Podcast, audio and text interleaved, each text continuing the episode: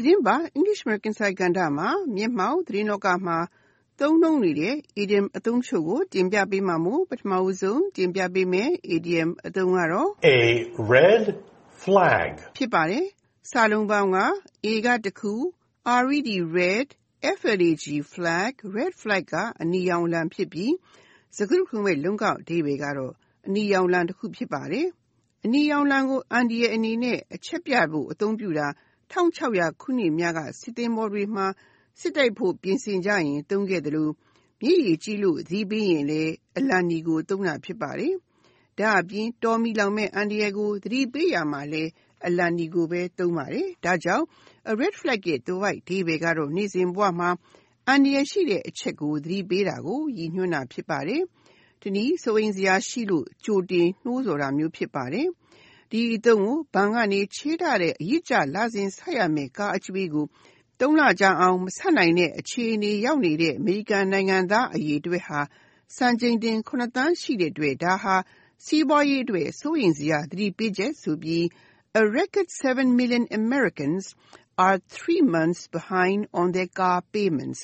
A red flag for the economy ဆိုတဲ့ခေါင်းကြီးနဲ့ The Washington Post သတင်းစာမှာ ရေးသားခဲ့တာ ဖြစ်ပါတယ်။ ဒီအသုံးနဲ့ ပတ်သက်လို့ George ကိုပေးတဲ့ ဥပမာကို လေ့လာကြည့်ကြရအောင်ပါ။ John's anger over a minor issue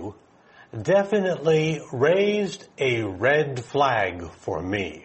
John က ဘာမဟုတ်တာလေးနဲ့ ဒေါသထွက်တာ တွေ့ရတော့ ကျွန်တော်အနေနဲ့ တကယ့်ကို သတိထားရမယ်ဆိုတာကို သိလာတယ်လို့အဓိပ္ပာယ်ရပါတယ်။ဥပမာကိုနောက်တစ်ခေါက်လေ့လာကြည့်ကြရအောင်ပါ။ John's anger over a minor issue definitely raised a red flag for me.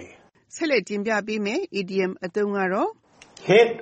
a wall ဖြစ်ပါတယ်။စာလုံးပေါင်းက hit hit ကထိတာတိုက်တာ awall a wall ကနေရန်ဖြစ်ပြီးစကားခုမဲ့ဓာတ်ရိုက်အဓိပ္ပာယ်ကတော့နေရနဲ့ထိမိတာနေရနဲ့တိုက်မိတာဖြစ်ပါတယ်။ရှေ့မှာနေရရှိရင်ဆက်သွားဖို့မလွယ်တဲ့အခြေအနေမျိုးမှုဒီအသုံးရဲ့ idiom အဓိပ္ပာယ်ကတော့ တခုခုလုပ်ရာမှာ ဘယ်လိုမှ ရှေ့ဆက်မတိုးနိုင်တဲ့ အခက်အခဲ အဟန့်အတားနဲ့ ရင်ဆိုင်နေရတာ ဖြစ်ပါတယ်။ဒီအသုံးကို မက္ကဆီကိုတံတိုင်း ဆောက်လုပ်ဖို့ ငွေရအောင် နောက်ဆုံးကြိုးပမ်းမှုအဖြစ် သမ္မတ Donald Trump က နယ်စပ်လူဝင်မှုကြီးကြပ်ရေး အခြေအနေကို National Emergency အခြေအနေအဖြစ် ကြေညာလိုက်တဲ့အတွက်ကြောင့် ပြည်နယ်၁၆ခုတို့က သူ့အပေါ် တရားစွဲဖို့ ပြင်လာကြတဲ့အတွက်ကြောင့် Trump အနေနဲ့ရှေ့ဆက်သွားရဖို့ဥပဒေဆိုတဲ့တံတိုင်းကြီးရဲ့အဟန့်အတားကိုရင်ဆိုင်ရဖွယ်ရှိလေမလားဆိုပြီး Wall Street Journal သတင်းစာကြီးက Trump's National Emergency Declaration Will it hit a legal wall ဆိုတဲ့ခေါင်းကြီးနဲ့ရေးသားခဲ့တာဖြစ်ပါတယ်။ဒီအသုံးနဲ့ပတ်သက်လို့ George ကိုပေးတဲ့ဥပမာကိုလေ့လာကြည့်ကြရအောင်ပါ။ China's plan to restart the Myitsone Dam project in Myanmar has hit a wall. မြန်မာနိုင်ငံမှာ မြစ်ဆုံရေကာတာ စီမံကိန်း ပြန်စဖို့ တရုတ်ရဲ့ အစီအစဉ်ဟာ ရှေ့မတိုးနိုင်ဘဲ အဟန့်အတားနဲ့ ကြုံနေရတယ်လို့အဓိပ္ပာယ်ရပါတယ်။ဥပမာကိုနောက်တစ်ခေါက်လေ့လာကြည့်ကြရအောင်ပါ။ China's plan to restart the Myitsone Dam project in Myanmar has hit a wall. ခုနောက်ဆုံးတင်ပြပေးမယ် idiom အသုံးကတော့ front runner ဖြစ်ပါတယ်။စာလုံးပေါင်းက front front က ရှေ့ runner runner က ပြေးနေသူဖြစ်ပြီး စကားစုတခုရဲ့ လုံးကောက်အဓိပ္ပာယ်က ရှေ့က ပြေးနေသူ ဖြစ်ပါတယ်။ဒီအသုံးရဲ့ idiom အဓိပ္ပာယ်က ရှင်းပါတယ်။ရွေးကောက်ပွဲတွေမှာ အနိုင်ရဖို့ အခြေအနေအကောင်းဆုံးလူ အလုတ်ခန့်ရမှာလဲအလုတ်ခန့်ခံရဖို့ အလားအလာအရှိဆုံးလူကို ဆိုလိုတာ ဖြစ်ပါတယ်။ကျမတို့ မြန်မာဘန်းစကားမှာတော့ တစ်ပြေးနေသူလို့ ဆိုရင် မမှားပါဘူး။ဒီအသုံးကို2020ရွေးကောက်ပွဲမှာ ဒီမိုကရက်ပါတီဘက်က သမ္မတကိုယ်စားလှယ်လောင်းဖြစ် ဝင်ရောက်ရှင်ပြိုင်မဲ့အမည်စင်း တင်သွင်းကြသူတွေ တိုးလာချိန်မှာ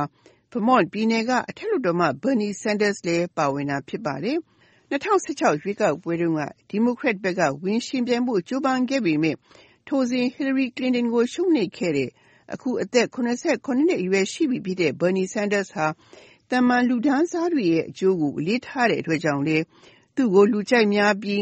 သူကြေညာလိုက်တဲ့24နာရီအတွင်း ရန်ပုံငွေ ဒေါ်လာ6သန်း ကောက်ခံရရှိတဲ့အတွက်ကြောင့် Bernie Sanders ဟာ Democrat ပါတီက ထိပ်ကပြေးနေတဲ့ သမ္မတကိုယ်စားလှယ်လောင်းဆိုပြီး Atlantic သတင်းစာကြီးက Bernie Sanders is the Democratic front runner ဆိုတဲ့ ခေါင်းကြီးနဲ့ ရေးသားခဲ့တာ ဖြစ်ပါတယ်။ဒီသုံးနဲ့ပတ်သက်တဲ့ ဥပမာကို လေ့လာကြည့်ကြရအောင်ပါ။ Mr. Brown, our party's candidate, is the front runner to win the mayor's race. ကျွန်တော်တို့ပါတီကိုယ်စားလှယ်လောင်း Mr. Brown ကမြို့တော်ဝင်ရွေးကောက်ပွဲမှာအနိုင်ရဖို့တစ်ကပြင်းနေသူဖြစ်တယ်လို့ဒီပေရပါတယ်။ဥပမာနောက်တစ်ခေါက်လေ့လာကြည့်ကြရအောင်ပါ Mr. Brown, our party's candidate,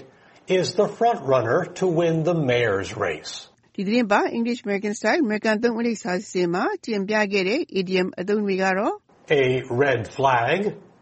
hit a wall, front runner. တို့ဖြစ်ကြပါတယ်။နောက်သတင်းပါခုလိုချိန်မျိုးမှာလဲနောက်ထပ် idiom အသုံးတွေကိုဆက်လက်တင်ပြပေးဦးမှာမို့စောင့်မျှော်နားဆင်ကြပါရှင်။